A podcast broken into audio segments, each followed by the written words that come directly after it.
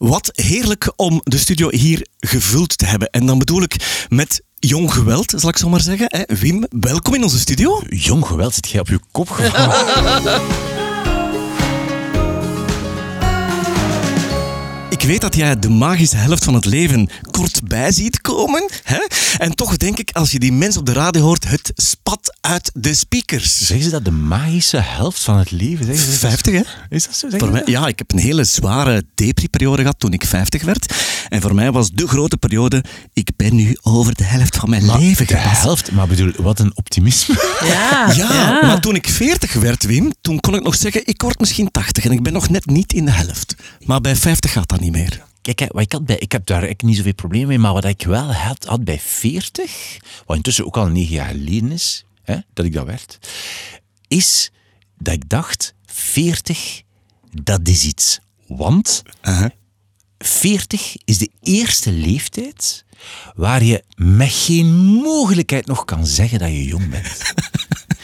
Als je zo 35 bent, dat gaat. Je kunt zeggen, ik ben nog jong. Nog dat net. gaat echt wel. Dat is echt geen enkel probleem. Maar als je 40 bent, is dat niet meer. Wat 40-jarigen ook mogen beweren. Het is gewoon niet waar. Als je dat vraagt aan mijn kindjes, die zijn 10 en 6, mensen van 40 zijn oud. Punt. Maar we zitten hier in een, eh, podcast over geluk. en ja. dan, dan, dan deel ik graag mee, en ik heb dat nog wel eens een paar keren eh, meegedeeld aan onze luisteraar. Het wat mij heeft geholpen, is de idee dat ik vanaf nu de dingen bewuster ga kiezen. Tot ik 50 werd, nam ik alles aan wat op mij wegkwam. Ja. En ik was zo enthousiast. En vanaf dat moment dacht ik, dat gaat nu niet meer. Want mijn leven is eindigend. Ik heb geen tijd meer om alles te doen. Voilà. Dus ik moet nog bewuster de dingen gaan kiezen. Ja, en dat is dan mislukt. Nee, want ik heb voor deze podcast gekozen. En ja. kijk zit nu. hier nu. Oké, nee, het. deze podcast is dan van het resultaat. Ja, dat had ik niet door eigenlijk, dat je daar naartoe ging, sorry. dat is niet erg. Maar nee, maar dat is zoals, ik vind dat, ik vind, weet, ik ben een heel grote fan van wat jij nu net vertelt. Namelijk van goede voornemens. Ja, dat is zoiets waar mensen zo een beetje, ja, neerbuigen, daar wordt wel over gedaan. En een beetje zo van, eh wah, wah, wah, eh, eh, eh, eh, goede voornemens. En dat stopt dan toch na, na een halve dag. Hè. Wel, ik ben daar dus groot fan van. Maar bij mij is het nooit op nieuwjaar. Ik doe dat niet op nieuwjaar. Ik doe dat gewoon altijd, zo doorheen het, doorheen het jaar. Niet altijd, hè, maar doorheen het jaar. Ja. En kan je ze waarmaken? Ja, absoluut. Eureka. Niet altijd, want dat, dat, laat ons zeggen dat het erbij hoort. Maar ik, ik ben daar zo grote fan van. Dat is eigenlijk bijna, mijn, bijna ik, zou, ik ga niet zeggen mijn basisfilosofie, maar ik, voor mijzelf is dat een van de grote dingen waar, waar, ik, waar ik op leef bijna. Om te kijken van, wat kan ik beter doen Ah, ja. voor mijzelf? Dat zijn wel bewuste keuzes. Dat is niet iets wat dat ineens uit de lucht valt. Niet. Eh, wel, maar dat, dat is eigenlijk wat ik zo, zo cool vind. Ook al wat je vertelt van, ik ga de bewuste keuze maken om niet meer gewoon met elke eh, windstoot mee te waaien of met elke, elke zwaai mee te zwi- zwieren. Hè. Maar ik ga bewust kiezen om dingen wel te doen en om dingen niet te doen. En ik vind dat zo waardevol. Ongelooflijk. Voilà, bedankt voor het komen, Wim. Dit was Graag het. gedaan. Dit was de moraal. nee, Wim, want ik moet eigenlijk beginnen met eh, een voornemen dat ik heel lang geleden heb gesteld. Want jij hebt mij ooit in de problemen gebracht. Oei. En ik dacht, ik ga dat die man ooit eens moeten vertellen. my God. Dus ik krijg bij deze de kans om dat te vertellen. Laat mij nu teruglappen eigenlijk. Mm, Ja, maar ik ga jou niet in hetzelfde gevaar brengen. Oei, oei. Kijk, het was de top, weet ik veel. Ik vermoed op Q-Music, top 2000 of zoiets. En jij presenteerde de- het eh, namiddagblok. En eh, Rage Against the Machine passeerde. Ja. En ik herinner mij op het einde van de plaat, jij dook zo diep de sfeer van die plaat in. Het was, eh, het was waarschijnlijk Killing in the Name of zoiets. Ja. Jij dook er zo in en jij brak letterlijk auditief het kot af. Jij simuleerde daar van, ik moet hier iets kapot slagen, ik moet... En je ging daar zo in mee. Man, ik scheurde van het lachen. Ik zat op de autosnelweg ter hoogte van Rumst en ik ging van mijn rijvak af.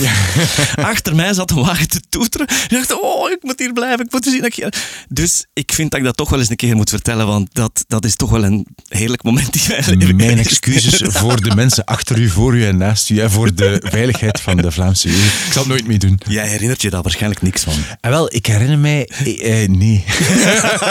maar ik weet wel dat Rage Against the Machine, die groep... En ik, ik presenteerde toen op Q-Music en nu op Willy, wat een klein digitaal stationnetje is, wa- wa- wa- waar wij eigenlijk... Rage Against the Machine be- behoort een beetje tot ons vast repertoire, terwijl het bij Q eerder uitzondering was.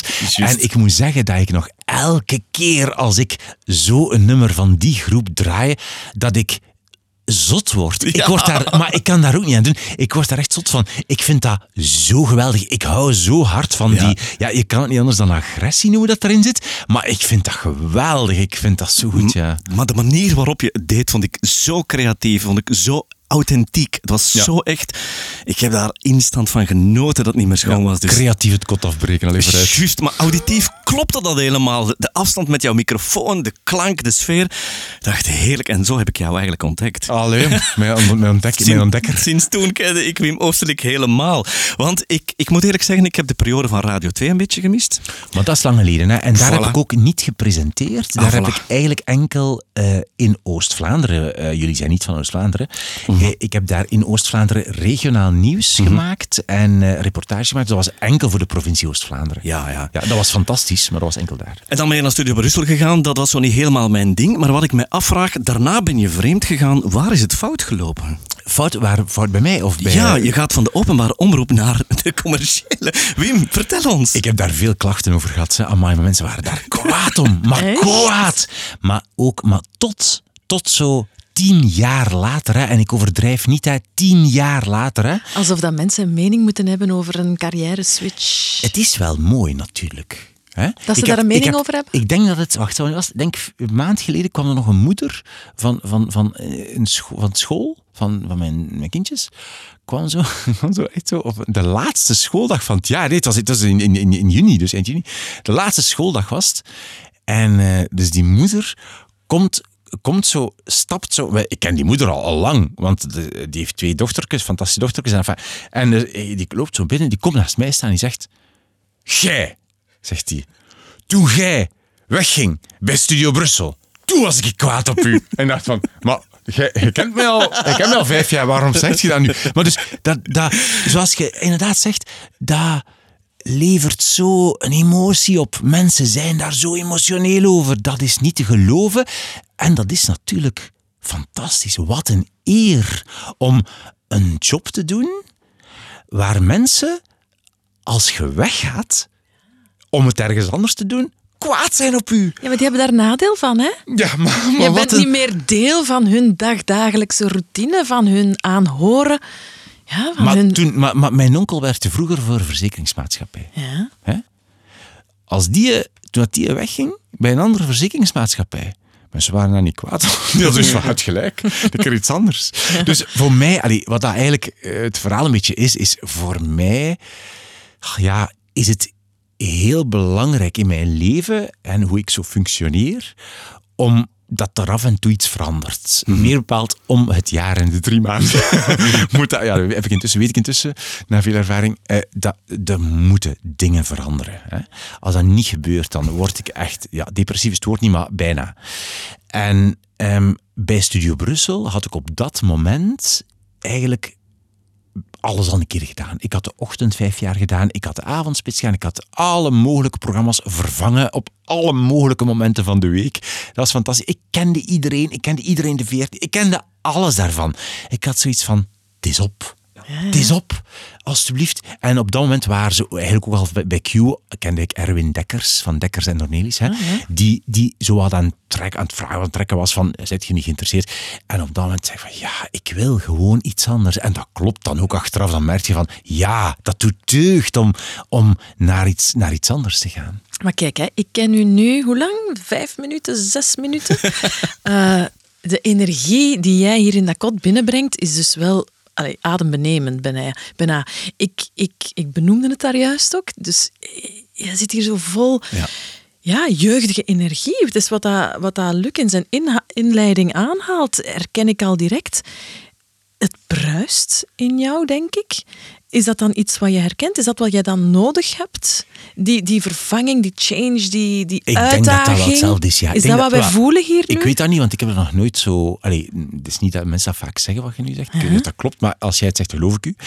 Eh, maar wellicht, als dat klopt, hangt dat wel samen. In de zin dat, Voilà. dat ik zo leef op een nieuwsgierigheid hè, naar dingen, een interesse, maar tegelijk ook een enthousiasme. om, maar dat heeft wel met veel met interesse te maken. Zo, met zo, ja, ik denk dat dat een beetje wel het woord is. Zo interesse in willen weten hoe dingen in elkaar zitten, hoe het is en waar, hoe het ergens anders werkt en hoe dat, dat gaat en zo.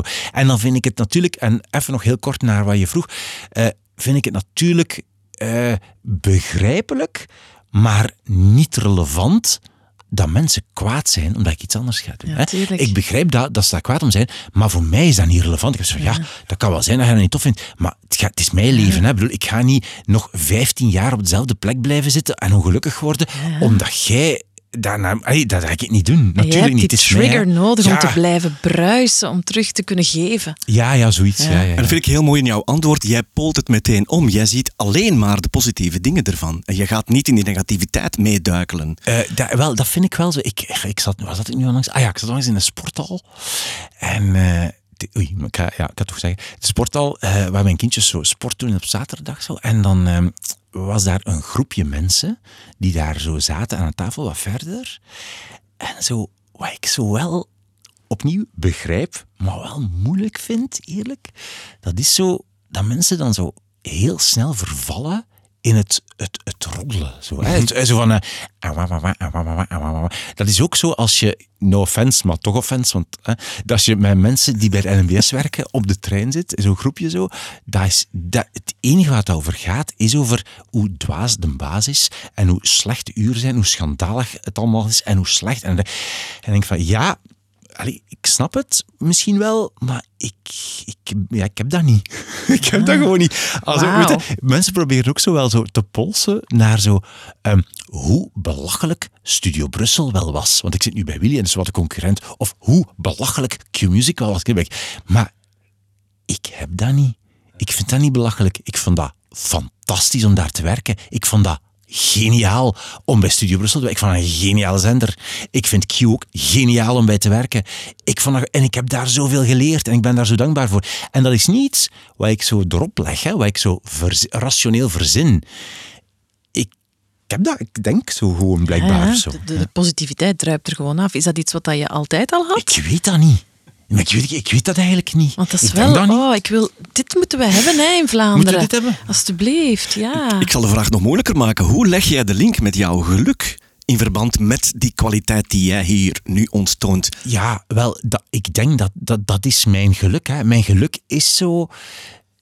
Of ik ben gelukkig, ik zal het zo zeggen, denk ik, als ik... ehm, als er nieuwe dingen zijn, als er ontdekking is, als er dus bij mij nieuwsgierigheid kan zijn, hè, als er bijvoorbeeld, wat ik is super, waar ik echt super gelukkig van word, dat is, ik vind iets over ehm, willekeurig voorbeeld. Willekeurig over Alexander de Croo. Maar dat is echt willekeurig. Hè?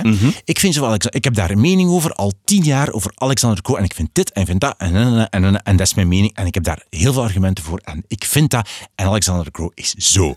Punt. Ja. En dan komen jullie. En jullie zeggen iets over Alexander de Croo. Wat het complete tegendeel is van wat ik al tien jaar vind en zeker van ben en met argumenten gestaafd heb. Huh? En ik kijk daarnaar dan en dan denk ik van, hebben ze gelijk? En dan denk ik van, shit, ze hebben gelijk. Dat vind ik tof. Daar word ik gelukkig van. Als mijn mening over iets noodgedwongen moet veranderen omdat er een nieuw inzicht is. Ik vind dat geweldig. Ik herken dat gevoel. Weet je, ik heb dat ook soms. Weet wat ik dan voel? Ik ben aan het groeien als mens. Ah, ja, ja, ja. Daar zit, nat- ja, daar zit het natuurlijk. Omdat uw mening kunnen en durven herzien en daarvoor uitkomen, dat overstijgt zo dat kleinburgerlijk, roddelend, denkend Vlaanderen. Ja, wel, misschien wel, ja. Maar ik wil daar niet over Vlaanderen niet negatief doen, maar inderdaad, het is wel zo dat, dat het is wel dat, zoiets. Hè? Zoiets van leren en verkennen en zo nieuwsgierig zijn. En dat, dat zo dat allemaal zo. En Ja. willen veranderen. En Openstaan. Zoiets, ja, denk het wel. Het is wel een heerlijke kwaliteit wat hij hier ons nu Ja, toont. dat is hè? Ja, toffe- ik weet het niet. Ik bedoel, ik zeg, ik zeg dat, hè. Misschien lieg ik, of misschien heb ik, kan- heb- snap ik mijzelf niet en blijkt dat ik uiteindelijk echt gewoon heel star, maar ik denk het niet. Ik denk het ook niet. En ik zal u direct een voorbeeld geven waarom ik denk dat dat niet zo is. Je geeft nu een voorbeeld om het eigenlijk onmiddellijk te doen. Maar stel dat men jou morgen een eh, voorstel doet om programmadirecteur bij Q Music te worden. Ja? En dat blijkt dan na anderhalf jaar ook niet de juiste job te zijn. Dat is iets wat jij ook hebt toegegeven van... mm. Ja, ja, ja, ja, klopt. Ja, en dat, heeft dan anderhalf jaar geduurd, want je geeft een voorbeeld dat over een paar minuten gaat, maar je doet het even goed als het over een lange periode gaat. Ja, en dat, dat is- vind ik een heerlijke kwaliteit. Wel, het is, laten we zeggen, dit is een beetje de praktische toepassing van, het, van wat we net zeiden. Zo, hè. Want ik heb inderdaad, ik ben ehm programmadirecteur, dat betekent baas hè, geweest, van, eh, van, van Q Music. Hè. Eh, zeven jaar geleden of zo. Anderhalf jaar lang, om dan eigenlijk ehm, daar zeer veel zin in te hebben en te zien van, wow, amai, dit is echt iets voor mij, want ik hou van strategisch nadenken over radiostations, fantastisch om na anderhalf jaar dan te zien van, mm, shit, er zijn toch een aantal dingen waar ik echt niet goed in ben. Hè? En ik steven af op iets wat, wat psychologen vrienden van mij een burn-out noemen. Hè? Dat soort dingen zo. Hè?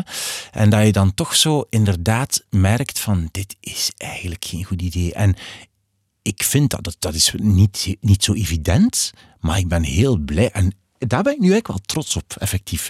Dat ik eigenlijk op tijd gezegd heb, ondanks het feit dat je dus echt eh, terugkeert, hè, dat ik gezegd heb van, ik moet hiermee stoppen. Ik ben ook heel blij dat mijn baas dat aanvaard heeft. Hè. Maar goed, ik moet hiermee stoppen. Dit is niet goed voor mij. Ik word hier ziek van. Maar ziek, hè. En dat is ook kunnen gebeuren. Ik ben terug gewoon gegaan naar waar ik daarvoor was. Zonder probleem. Want ik heb daar ook geen ego-probleem over of zo. En ik heb ook gewoon op de vloer gezegd hoe het was. Namelijk van, kijk, ik had tegen mijn baas gezegd van, ik wil graag zeggen hoe het echt is. Mag dat? En zo, ja. en dat mag. En dan heb ik haar gewoon verteld van, kijk, ik kan dit niet goed, dit stuk. Dus Ja. Ik ga stoppen. Maar het is toch door die kwetsbaarheid te durven aan een dag leggen dat je die eerlijkheid kan tonen, dat het ook loskomt. En ik vind het wel niet meer dan normaal. En waarom is daar soms een taboe of een raar eh, gevoel bij? Dat we proberen. En dat we concluderen, ah, het is toch niet wat ik ervan verwacht had. Of ik match toch niet helemaal met de job of de relatie of whatever waar ik nu in beland ben. Een, van de problemen is natuurlijk de, de, de status. En zo de, de, de perks of wat, wat er bij zo'n functie komt. Namelijk dat je meer verdient. Hè? Dat je plots de baas bent. En dus eigenlijk ook beslissingen kunt nemen eh, eh, eh, over heel het station. Je kan daar echt gewoon de, de lijn van een station bepalen. Wat dan natuurlijk heel aantrekkelijk en heel tof is om te doen als, als je dat interesseert.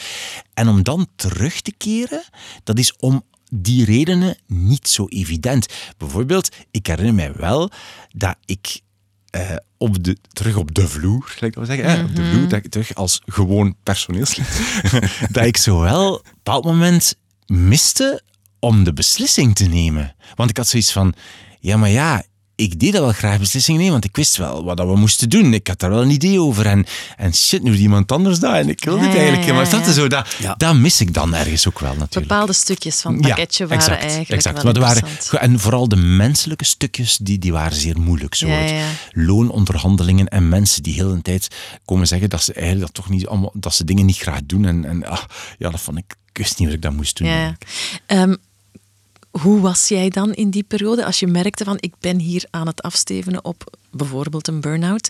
Want bruiste jij dan niet meer? Ja, eh, eh, dat denk ik wel. Ja. Ik denk dat ik niet meer brust. Eh, ik herinner mij dat ik, en dat was ook een van de signalen die mij, waar mijn vrienden, psycholoogvrienden mij op wezen, de- fysiek dat ik moe werd, zo, echt nog meer dan nu. zo, Meer dan de ochtend, echt fysiek heel moe. En ook zo dat je zo begint, een soort, afstand te nemen van alles. Dat je zo een beetje begint zo af te, af te van ik ga mij emotioneel niet meer betrekken bij heel deze boîte, want het, het gaat niet meer, het is te veel. Ik had eigenlijk, maar ja, dat is erg om uit te drukken en dat ligt meer aan mij dan aan het werk. Maar ik had de indruk dat ik elke dag zo een soort mestkar over mij heen kreeg, stortzochtends. Dat ik zo tegen s'avonds daar zo net met mijn hoofd boven zat en de volgende ochtend, wam, weer zo. Dat was mijn... Om maar te zeggen, als je dat gevoel hebt... Dat, dat is niet zo bruisend. Nee, dat is niet nee, zo. nee. Dat, dat, en dat lag aan mij. Hè. Dat lag, ik zeg niet aan, aan, aan de werking daar, want dat was eigenlijk. Het is nog altijd een fantastische plek om te werken. Hè. dat is gewoon welke mijn ding niet. Oké, ja, want Ja. dat wou ik vragen. In welke mate ligt dat dan aan jou? Want liggen, ja, de, Ja, dat het- is dan dat- gewoon de, ja, de job die jou minder ligt dan. Waardoor dat je niet die veerkracht hebt om daar met die issues om te gaan. Kijk, hè, ik, de uitdrukking jezelf tegenkomen, ik kende dat niet. Ik snapte dat niet. Ik snapte niet wat dat betekende. Sindsdien snap ik dat. Ja. Ik heb echt zo daar de hele tijd zo gefunctioneerd. Want ik heb wel gefunctioneerd. Hè. Dat station heeft, draaide wel. Hè. Maar zo, ik kwam... Ik ben echt mijzelf tegengekomen. Echt zo gezien van... Hé, hey, vriend, dit... d- dat, je kunt het niet, hè? Het gaat niet, hè? Je, je, je weet niet hoe je dit moet doen. En het is al een jaar. Dat klopt niet, hè? En natuurlijk, en nu ga ik weer doen wat je in het begin zei dat dat zo tof is, maar ik kan er niet aan doen. Hoe geweldig om dat te mogen hebben meemaken. Want ik kijk daar nu naar. Ik heb daar veel last van gehad. Natuurlijk, dat is heftig, hè? dat is ook niet leuk. Hè? Maar achteraf gezien denk ik wel van, amai, ik heb de eer gehad en de kans om dat te mogen proberen. En er zijn geen rampen gebeurd. Hè? En volgens mij heb je het alweer omgepoeld, want je noemt jezelf ondertussen de ochtendwilly van de radio. Ja. Dus je zit daar alweer in een voorberechte positie, toch? Dus je glijdt, je glijdt af, je, doet, je, je neemt een foute beslissing, je geeft het toe en je komt uiteindelijk toch weer op je poten terecht. Maar ik vind dat echt geen foute beslissing. Je neemt een beslissing waarvan je achteraf denkt: oh, Ja. oké, het was niks voor mij, dus ik Ja. heroriënteer terug. Ik ben ja, het met je ja, eens. ja, ik snap het. Ik snap het. Ja, het is wel Ja, waar. hebt gelijk. Ja, inderdaad. Maar ik vind dat ook niet zo duidelijk hoe dat je dat moet noemen. Ze. Want ik zou dat ook soms een, een foute beslissing kunnen noemen, maar soms ook denken van nee, nee, nee, nee, dat was goed om dat te Ik proberen. moest dat En- doen om Ja, te ja. weten: oh ja, het is niks voor mij. Ja, want ik heb Want daar... anders ga jij blijven bruisen en hopen of denken of geëngageerd zijn om dat toch eens te proberen. Ja, ja. dat is zo. Want ik- absoluut, want het zit te veel in mij om het niet te. Het zit trouwens nog altijd in mij. Ik, zit daar, ik denk daar elke dag aan van, ik zou zoiets moeten doen. Een soort management. Want ik, ik doe dat graag. Alleen een groot stuk niet. Wat is dan de moraal van het verhaal voor de luisteraar? ja, jong. De juiste man op de juiste plaats. Dus hij moet manager worden, Nee, maar nee. zich laten omringen Ah, ja. met de juiste mensen die de mestkar kunnen verdragen. Dat heb ik ook bedacht. Achteraf, hè? Dat, ja, maar niet meer, ja, dat is waar. Maar het, wat ik altijd, het probleem is altijd dat, zo, dat precies voor die, in die ene functie alles samenkomt zo. Maar goed, zo, dat zou ons Ja. te ver leiden. Maar ja, ik weet de oplossing niet. Maar Oké. goed voorstel. Wim, we hebben eigenlijk vier geluksvragen voor jou voorbereid. En de eerste daarvan die heb je al in geuren en kleuren uitgelegd. Het is een beetje een, eh, een, een, een vraag om het af te sluiten. Ben jij gelukkig of ervaar jij geluk in je werk, in jouw carrière? Is dat oké? Ja, absoluut. Ik ben zeer eh, gelukkig. ehm, zeer gelukkig, ja, absoluut. Ik doe, ik doe dat graag. En eh, ik... eh, ja, absoluut. Dus jij gaat dit nog een jaar of veertien doen. 14, 15, 16. We'll see. yes, yes. Ik ga op het juiste moment nadenken van, is, dit geluk, is het geluk nog aanwezig? Hè? Want dat is, ook, dat is ook essentieel natuurlijk. Dat je geregeld, ehm, en dat doe ik gewoon ook letterlijk elke dag, een stap terug neemt en kijkt van, doe ik het nog graag? Ben ik nog graag bij mijn lief? Hè? Eh, wil ik dit, vind ik dit leven leuk? Ehm, eh, eh, welke vrienden zie ik, hoe vaak en hoe kan ik dat beter organiseren dat dat meer naar mijn wens is? Zo doe ik dat ook. Maar ik denk dat jij een duidelijkere bruisthermometer hebt dan andere mensen. Hè? Ja. Dat snap ik niet. Wat is dat? Ik denk dat jij... ehm, ja, dat jij zo leeft een intern bruisthermometertje en dat jij kan aftoetsen. Yes, ik zit nog, nog hoog. Dat weet ik dus niet. Maar ik, heb, ik vind het woord bruisthermometer een prachtig woord. Maar ik zou niet weten wat het betekent. Voor mij is het je ook niet, ik bedoelt- vind het ook heerlijk, ja. Je bedoelt dat ik, eh Ik denk goed dat kan je- inschatten Ja, hoe ik- gelukkig ik ben op die, die bruisfactor die voor mij blijkbaar belangrijk is. omdat ik denk dat jij ook fysiek, ik zie dat, hoe dat je met je voeten zwiebert en zo, dat daar... ehm, dat dat fysiek en energetisch super duidelijk is bij jou. Ah, ja. Ik bruis. En dat er periodes zijn, oh, nee, ik bruis niet, uw thermometer gaat naar beneden, dus jij moet schakelen. Ja, dat zou kunnen, maar ik heb dat wel nog niet zo lang door hoor. Dat is ook bij mij ook een, wel een leerproces of zo. Allee, enorm leerproces. Ik heb het meeste daarvan niet zo goed door. Oké. Maar daarom kom ik hier ook hè, om dit allemaal te leren. Ja, ja, Oké, zeg, zie eens. Dan gaan we nu naar de reclame. nee, dat is wel duidelijk. Dat, daarmee zei ik het in de inleiding ook. Het spat uit de speakers als Wim Oosterlink presenteert, vind ik wel. Hoofdstuk 2. Die podcast van jou. Ah, die podcast. Vertel eens, wat doet dat met jou, die drie boeken? Ik heb ook een podcast, inderdaad, drie boeken. Mhm. Ik vraag elke week aan eh, iemand welke drie boeken we volgens hem of haar moeten gelezen hebben. En dat groeit zo uit tot een gesprekje over van alles, over die persoon eigenlijk vaak. Want het, is de, de, het cliché is zoals alle clichés waar. Namelijk, hè, ehm, toon mij uw boekenkast en ik zal zeggen wie je bent. Voilà. Ja. Ehm, wat niet de slogan van de podcast is trouwens. Nu, eh, wat doet dat mij? Ik heb eigenlijk drie jaar geleden, want de podcast is ongeveer drie jaar oud, beslist of bedacht. Dat was al een proces dat even bezig was van, goh, ik, ik, ik doe graag radio. Eh, onze gesprekken op de radio zijn beperkt tot 2 minuten 48 seconden ongeveer. Eh, en ik vind het misschien wel leuk om een keer een langer gesprek te doen, maar ik heb dat nog nooit gedaan. Ik denk dat ik dat zou kunnen, maar ik weet het niet zeker. Dus ik moet dat misschien eens proberen. Dat was deel 1 van de zoektocht. Deel 2 van de zoektocht was boeken. I love boeken. Ik hou van boeken. Ik lees graag. Ik ben daar graag mee bezig.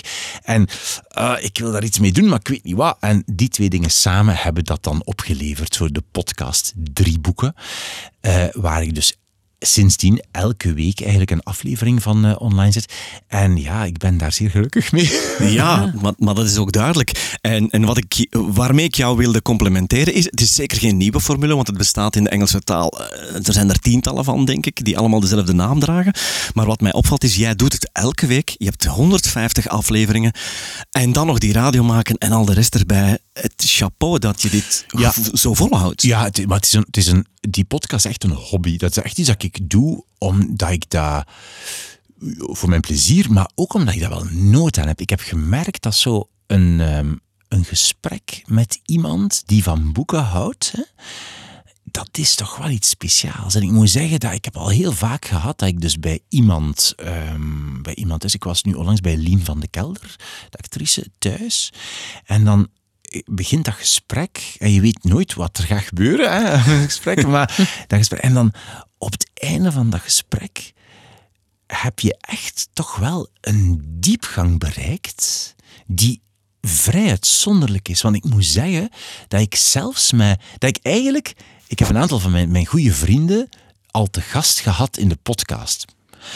En ik moet zeggen dat ik bijna nooit met hen zo'n mooi, diep gesprek heb als in de podcast. En dat is zo zonde, want waarom heb je dat in het leven niet? Hè, dus, dus de podcast is een soort excuus om de gesprekken met mensen te, te, te kunnen hebben die ik wil hebben. Ja. Namelijk diep en lang en over boeken.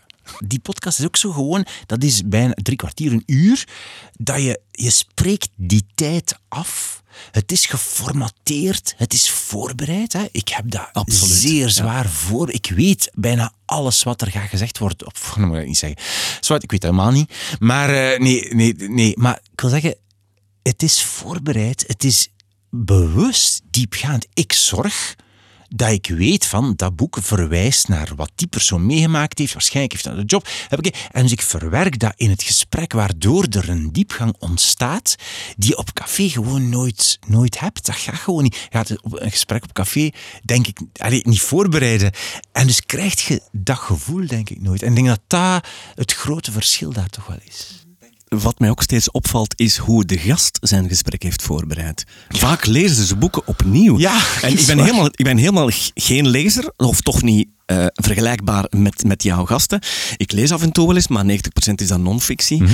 En dan, dan verwondert het mij hoe dat die daar kunnen induikelen ter voorbereiding van jouw komst. Ja, het is fantastisch. Fenomenaal. Echt, is, ik weet het. Dat, soms denk ik ook van, maar allee, ga, heb jij nu echt alle drie uw boeken herlezen enkel voor deze podcast. Ja. belachelijk. Want Ik ben, een schrik ik ben- voor een uitnodiging. Ja, maar, ja, het is- maar dat hoeft helemaal niet, want ik, ga ook helemaal, ik vraag helemaal nooit van waar gaat het boek over en wat Ja. doet het personage dan? Dat interesseert mij niet. Het gaat om wat heeft het boek met u gedaan? Tuurlijk. vertel over uzelf. Ah, ja, dat is het. Hè? En dat is, het, dat is wat ik leuk vind aan de, drie, aan de drie boeken. Niet als inspiratie om ik moet meer boeken lezen, maar de verhalen en de verwondering dat die mensen aan de dag leggen. En het is bijna altijd anders. Het is, het, er komen in mijn beleving weinig boeken terug. Ja, dus ik had eigenlijk verwacht toen ik begon aan de podcast, dacht ik van, ja, hoe, dus iedereen gaat zo eh, eh, drie klassiekers uit de literatuur kiezen. Hè? En dan, ja, zul- zullen we wel zien hoe dat loopt. Wat blijkt? Niemand kiest drie klassiekers uit de literatuur. Gewoon nooit. Nooit.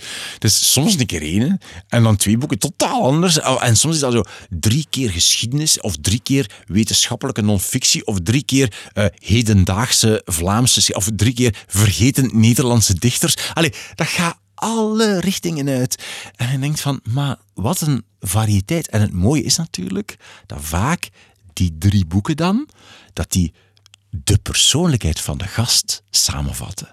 En dat was gewoon... Ja. Dat, dat is soms zelfs ontroerend, want bij de podcast met Michel Cuvelier was ik op het einde echt waar, Wim, ik was ontroerd. Toen ze over haar Spaans sprak en over de, de, de liefde die ze heeft voor de taal, ik was echt geraakt. Ja, maar ze spreekt ook gewoon... Ik vond het gewoon geil eigenlijk, want die, die praat zo schoon Spaans. En dat is echt niet normaal. Dus die, die praat dus... Michel Cuvelier van Stubussel praat dus... Ja, ten eerste al perfect Nederlands. Ten tweede Spaans, maar echt zo... Echt zo Spaans. Zo schitterend, schitterend brabbelt. En daarnaast, en daar ben ik dan ben ik helemaal, helemaal zot van, praat hij dus perfect British English. Maar ik heb een enorme boon voor Vlaamse vrouwen die perfect British English spreken. Want ik had ook eh, ehm, eh, Lara Chedraoui, de zangeres van Intergalactic Lovers, een Vlaamse groep, die, die kan dat ook. En die heeft dus in mijn podcast een stukje voorgelezen van een Engelse tekst. Maar dat is, ik word daar zot van. Ik, kan ik kan dat niet aan. Dat is fenomenaal schoon. Ik begrijp perfect wat je bedoelt, want ik heb bijna een schoondochter en die eh, komt uit Wales. Bijna? En- en ik heb, ja, dat is een vriendin van mijn zoon. Oké. Dus een schoondochter Nog- in wording. Goeie hoop. En eh, ik vind het zo fijn als die komt, enkel voor dat Engels. Ik heb ze graag natuurlijk, maar dat Engels, ik geniet daar mateloos van. Het, alleen nog maar water. Ik kan dat niet uitspreken Water. zoals zij dat doet. En ik ben Ja. er zo jaloers op. Jij kan dat gewoon eigenlijk. Ja, ik doe dat zelf ook Water. graag. Water. Enfin, ik denk dat het duidelijk is. water. Ja, Dat, dat is hem. Dat is ja. Allee, schitterend. Ja, dat vind ik dus echt fantastisch. Heb jij zelf een lievelingsboek? Ah, ja, ja, dat is moeilijk, hè. Ik heb er zo wel een paar, ja. Maar Jeroen Brouwers Ja. is mijn favoriete schrijver, zo. Daar heb ik zo ongeveer alles van. Hè? dus, en Bezonken Rood vind ik zijn beste boek, dus dat vind ik dat is fantastisch. Maar En ook wat heeft dat dan met jou gedaan? Dat boek met mij. Eh, maar ik heb dat gelezen toen ik student was, denk ik. Ehm, en een vriendin heeft mij dat toen aangeraden. En het is zo, het is een heel hard boek. Echt een, een bijtend hard boek over ja, ehm, eh, eh, verschrikkelijke omstandigheden in een jappenkamp in Indonesië, gecombineerd met zijn persoonlijke gevoelens naar zijn moeder toe. En ehm, ja, ik vind dat ik, de- de- deels voor de taal, hè, dus ik vind dat prachtig geschreven. Dat is ook waarom ik fan ben van hem, omdat dat zo schoon geschreven is. Hij is nu dood, helaas. En, eh, maar het is oké, het is, het is, het, bij, het is bijtend. Hè? En ik, hou- ik hou daar wel van, vrees ik. dat vind ik ontroerend. rouw. Ja, het rouwen ervan. Ja. Ja. exact, ja, exact. Dat vind ik tof. Maar ik weet niet waarom. Ja. Ik vind het heerlijk dat de rollen hier omgedraaid worden. Welke boeken zouden wij volgens Wim Oosterlink moeten gelezen hebben? De eerste hebben we gehad. Ah, oei. En de andere moet- twee? Maar dat heb ik nog niet bedacht, jongen. als maker van drie boeken, Wim. Ja, maar ja, er zijn er zoveel eigenlijk. Eh, wat ik ook soms voorstel als boek is, eh, maar dat is ook ja, zo'n bijtend hard eh, boek, is ehm, Meridiaan van Bloed. Blood Meridian van Cormac McCarthy. Maar dat is echt een boek. Dat is, zo, dat is niet zo dik, dat is niet super dik, maar dat leest zeer traag, want je moet er echt door vroeten. Dat is een heftig boek. Ik heb daar echt een volledige paasvakantie in, in geïnvesteerd. Zo van, deze paasvakantie lees ik dit boek. Ik heb ook niks anders gedaan dan dat boek gelezen, zo in die paasvakantie. Dat dat. En dan een derde boek, eh, weet ik het. Eh, ah ja, ik zal iets recent pakken. Tom Lanois, De Draaischijf. Heb ik enorm van genoten. Is net uit. En is een geweldig boek. Heel tof. En leven Tom Lanois. I love him. Voilà, het is duidelijk dat die podcast van jou, drie boeken, ook wel een portie geluk brengt voor jou. Ja, ja. Diep, eh, intermenselijk geluk. Ik heb een aflevering van eh, met Inge Vervotte geluisterd, maar echt waar, dan, dan denk ik echt van, oh, heerlijk. En ook zo, ah, zo in, die intelligentie Ja, die daar afspat. Heerlijk, ja, ja. Dan denk je echt van, oh my god, zo geweldig om naar jou te luisteren. Ik vind ze taalvirtuoos, bijna poëtisch. Ja, En zo intelligent, te klopt. intelligent. En al die Oh. dingen die ze bedacht, je denkt echt van, oh my god, daar moet ik ook allemaal eens over nadenken. En dan nog 50 dingen. Ja, dat is waar. Dat brengt ons naadloos bij ons derde geluksvraag, Wim. Wat heb jij met taal? Taal. Taal. Er is duidelijk een liefde voor taal die jij ergens ten berde legt. Ah ja. Eh, ja, die boeken le- lezen en zo zeker. Ehm, gisteren zei iemand mij dat. Gisteren zei iemand, uw job is eigenlijk, onze job is eigenlijk taal, hè? Ik zo, huh? Die zo, ja, ja, je s- je schrijft het toch voor de radio? Ik dacht van, ah ja, eigenlijk wel, ja. Ik het nooit bedacht. Het is waar, dus mijn job is taal. Want dus radio, dat is niet spreken, dat is schrijven. En dat dan zeggen, hè? wat je geschreven hebt, dat is radio. Schrijf je alles uit? Ik schrijf niet alles uit, maar wel veel. Echt? En het beste oh, van de dat radio... prikt wel een beetje. Ja, sorry, dat, is, dat is niet waar, het was een leugen. Eh, Oh, ik dacht dat dat echt veel ad remmer was. ik dat rem echt. Nee, maar ik bedoel... Oh, nee, echt waar? Maar niet, nee, nee, maar dat is niet waar wat ik zei. Echt totaal niet. Ze vindt dat ik hier nog geil worden aan de andere kant. Maar dus, eh, Allee. nee, nee, maar dus, Oei. maar, nee, nee, maar het is wel, wat je wel hebt, is, ook al schrijf je het niet uit of wel, je bent wel met, met taal bezig. Het gaat wel over het middel is taal. Hè? Dus het, het, het, het, wat je gebruikt is taal. Los daarvan hou ik van, van, van schrijven en van lezen en van met die boeken bezig zijn. Dus dat is allemaal wel talig. Wij zijn, zonder dat we het beseffen, ik denk dat dat bij jullie ook zo is, eh, veel, wij zijn veel taliger dan we denken. Hè? Wij zijn extreem veel met taal bezig. Ja, en, en ik besef dat niet altijd. Ik wou net zeggen, is het bij jou niet zo evident ondertussen dat je daar de lat zo hoog legt? Want je hebt in je jeugd heb jij woord en voordracht gestudeerd. Ja, ja. dat Ja, heeft ja. niet iedereen onder ons nee, gedaan. nee, het is juist. Ah, wel, voilà, Dus- maar, zie, maar ik vergeet dat dus altijd. Het is waar. Zie je wel? Maar dat is, Het is zo, zo evident. evident voor ja, jou. ja, klopt. Maar als job ben je toch ook een vorm van woordkunstenaar? Ja, ja, maar het is, dat. Het is allemaal, ta- het is allemaal taal. Maar dat bedoel ik. Het is allemaal taal. Mijn job is gelijk aan taal. En mijn hobby ook nog eens. Dus de podcast bedoel ik. Dus ja, dat is allemaal taal. Ik merk zo thuis, hè, ik heb twee kindjes, tien en zes jaar. Roos is tien en Bo, mijn zoontje, is zes.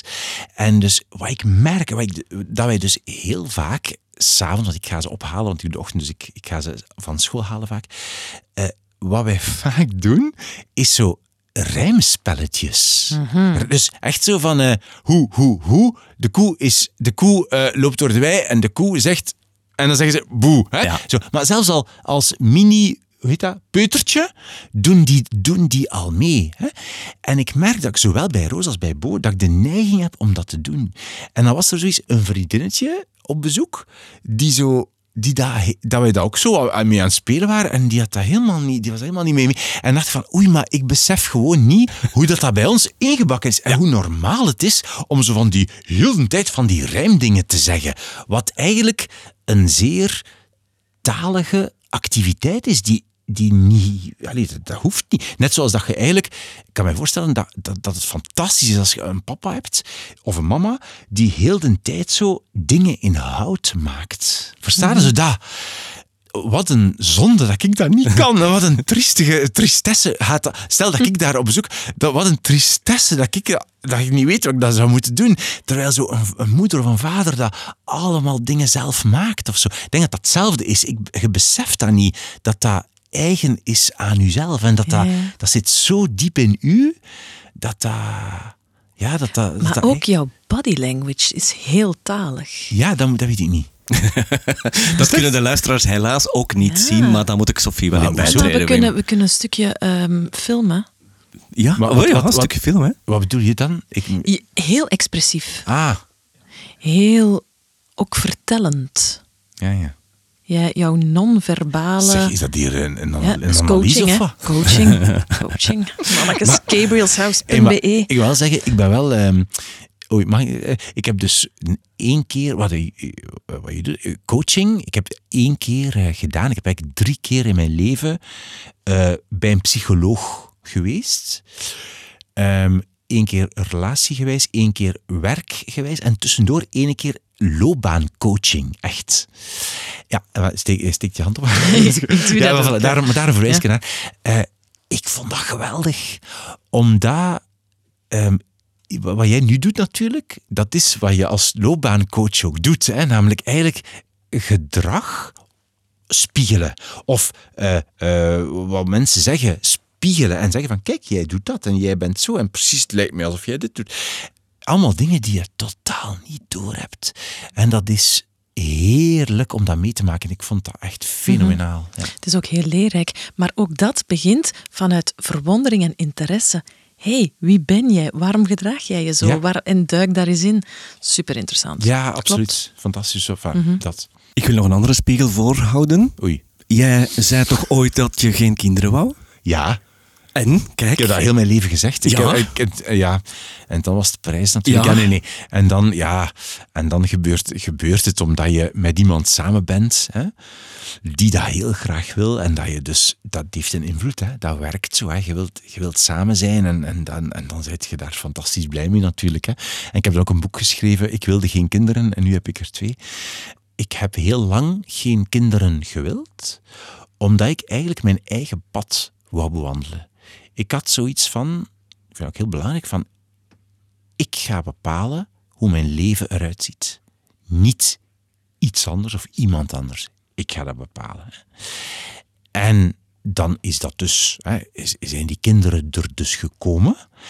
En merkt je van, maar vanuit een standpunt van interesse en nieuwsgierigheid en een bruisthermometer, eh, zijn kinderen natuurlijk fenomenaal, omdat ze jou op een pad zetten waar je op geen enkele andere manier ooit zou beland zijn. Er is geen enkel pad dat lijkt op het pad dat je bewandelt als je kinderen hebt. En daarom is dat natuurlijk een, een, een feest van, van, nieuws, van, van, allez, van, dat- van dat soort dingen, allemaal, van nieuwsgierigheid en ontdekking. En, en zie wat er gebeurt rondom mij zo, hè, en in mij. Ja. Ja. Ook in mij. Want Ja. dat is natuurlijk ongelooflijk. Je verandert daardoor, dat weet, dat weet je, maar je verandert daardoor. Je bent nooit meer hetzelfde. Er komt een soort... Voor mij is dat zo'n soort... Een soort... Je hebt je lijf, hè? en als je kinderen hebt, komt daar zo een soort emotionele laag helemaal bovenop. Zo, die Als een soort kostuumetje dat je bij En dat, ligt daar, en dat gaat daar nooit meer af. Dus, is een, ik denk, ik, ik, heb nog, ik weet nog niet, voorlopig nog niet, tien jaar. Maar dus dat gaat daar nooit meer af. Dat is zo, en, en dat is, alles wetsuit. is, ja, alles van emotie. En alles is emotioneler. En alles is beladener met emotie. En ja, dat is wel minstens interessant. Ik vind dat super mooi gezegd. Ja. Heerlijker Heel dan dat herkenbaar. kunnen wij het ook. niet hoor. Ja. Het, het geeft het leven een extra dimensie ook wel. Ehm, laat ons zeggen, dat is nu misschien iets te cru uitgedrukt, dat jouw egoïstische instelling van vroeger. Wat doe je daar nu mee? Wat, Die wat- blijft, hè? Ja, dus hoe, hoe, hoe combineer je dat nu dan? Ja, maar ik ben een trotse egoïst, hè? Ja. Dus eh, ik vind het heel belangrijk, ik vind het essentieel voor jou, voor je geluk. Ik zeg af en toe eens geluk, hè, hoort Ja, hè. Eh, voor je geluk, eh, dat je ehm, egoïstisch bent. Ik denk dat bijvoorbeeld een relatie, ik weet daar niks van, hè, maar mijn idee, hè, dat een relatie enkel kan slagen als, twee, als de, de, de twee mensen voldoende egoïstisch zijn. Stel je voor dat je als dat je dus te weinig, dat je je te veel laat doen door de ander, dat is het recept voor ongeluk. Hè? Ik denk dat dat heel belangrijk is om, om een soort egoïsme, om een soort te weten wat je. Ik, noem, ik vertaal het dan als ik weet wat ik wil, of ik zoek uit wat ik wil, en ik probeer daarvoor te gaan. Niet alles opzij voor mij, totaal niet, maar wel tenminste weet waarvoor je gaat. En actie ondernemen om dat pad te proberen bewandelen.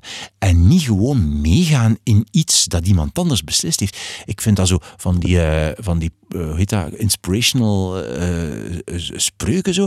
Ik ken ze niet van buiten, maar een van de mooiste vind ik van, je moet niet, je moet echt je moet niet het leven van iemand anders leven. Namelijk gewoon meegaan met wat er voor u bedacht is en dat dan zo wat half volgen. Zo, hè? Nee, je moet je eigen pad bedenken en je eigen pad gaan. Want er is maar één mogelijk pad voor u, dat is wat jij zelf zei en wat jij zelf verstaat. Ja, heel interessant. En daar heb ik zeker van jou iets te leren. Maar ik mis een beetje van, de, van dat egoïsme.